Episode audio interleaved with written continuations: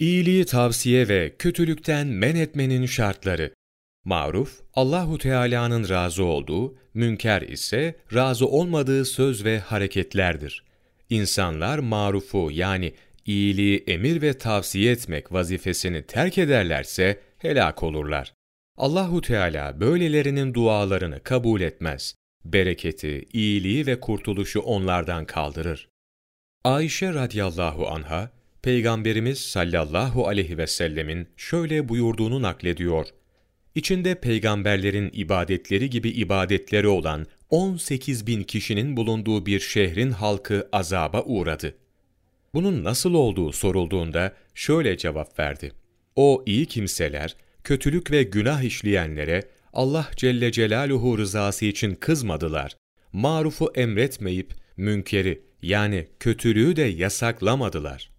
Bu vazifeyi yapmak isteyen bir Müslüman, önce içinde bulunduğu topluluğun durumuna bakmalıdır.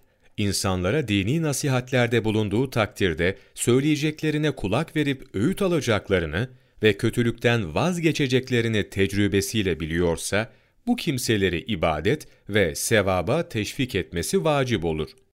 Fakat nasihat etmeye kalkıştığı takdirde kendisine iftira edeceklerini ve sövüp sayacaklarını tecrübeyle biliyorsa, o zaman onlara nasihatte bulunmaması daha iyidir.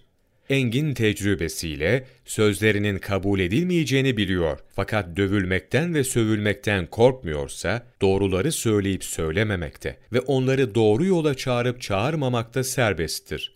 Ama yine de ikaz ve irşatta bulunmak eftaldir. Emri bil maruf yani iyiliği emir ve tavsiye etme vazifesi yapacak kimselerin hangi konudan konuşulacaksa o mesele hakkında ilim sahibi olmaları lazımdır. Çünkü bir konuda ilim sahibi olmadan bir kişiye o konuda faydalı olunamaz. Ayrıca kötülük işleyen kimselerle konuşurken daima yumuşak davranmalı, tatlı ve ikna edici konuşmalıdır. Asla ey ahmak, ey cahil, ey utanmaz adam, Allah Celle Celaluhu'ndan korkmuyor musun? Nedir bu yaptığın gibi sözler söylememelidir. Allame Eşşeyh Alaaddin Abidin El Hediyetül Alaiye Sayfa 633-635 10 Temmuz Mevlana takvimi